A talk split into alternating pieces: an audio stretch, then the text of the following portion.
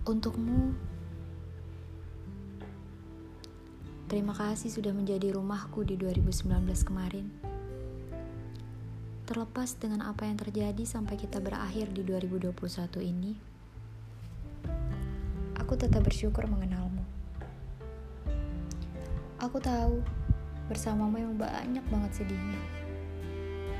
Tapi kamu perlu tahu, ada bahagia juga gak sedikit yang kita jalanin bareng. Orang pertama yang membuatku banyak melakukan hal-hal yang sebelumnya belum pernah aku lakukan. Kamu adalah orang pertama yang menjadi rumah ternyamanku dibanding orang yang sebelumnya. Bahkan semua janji dan kata sayangmu masih teringat jelas di memoriku. Aku selalu mengingat caramu berbicara, menatapku, menggenggam tanganku, serta memelukku.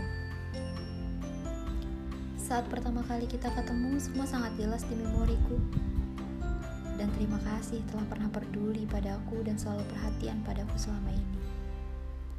Tapi tidak bisa kupungkiri, rasa sakit itu juga selalu ada di hatiku.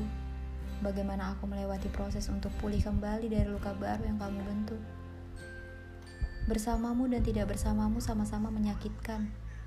Kau emang pembuat luka sekalipun penyembuh. Namun, kali ini aku minta maaf. Aku telah memilih sembuh dan bahagia tanpa melibatkan dirimu lagi.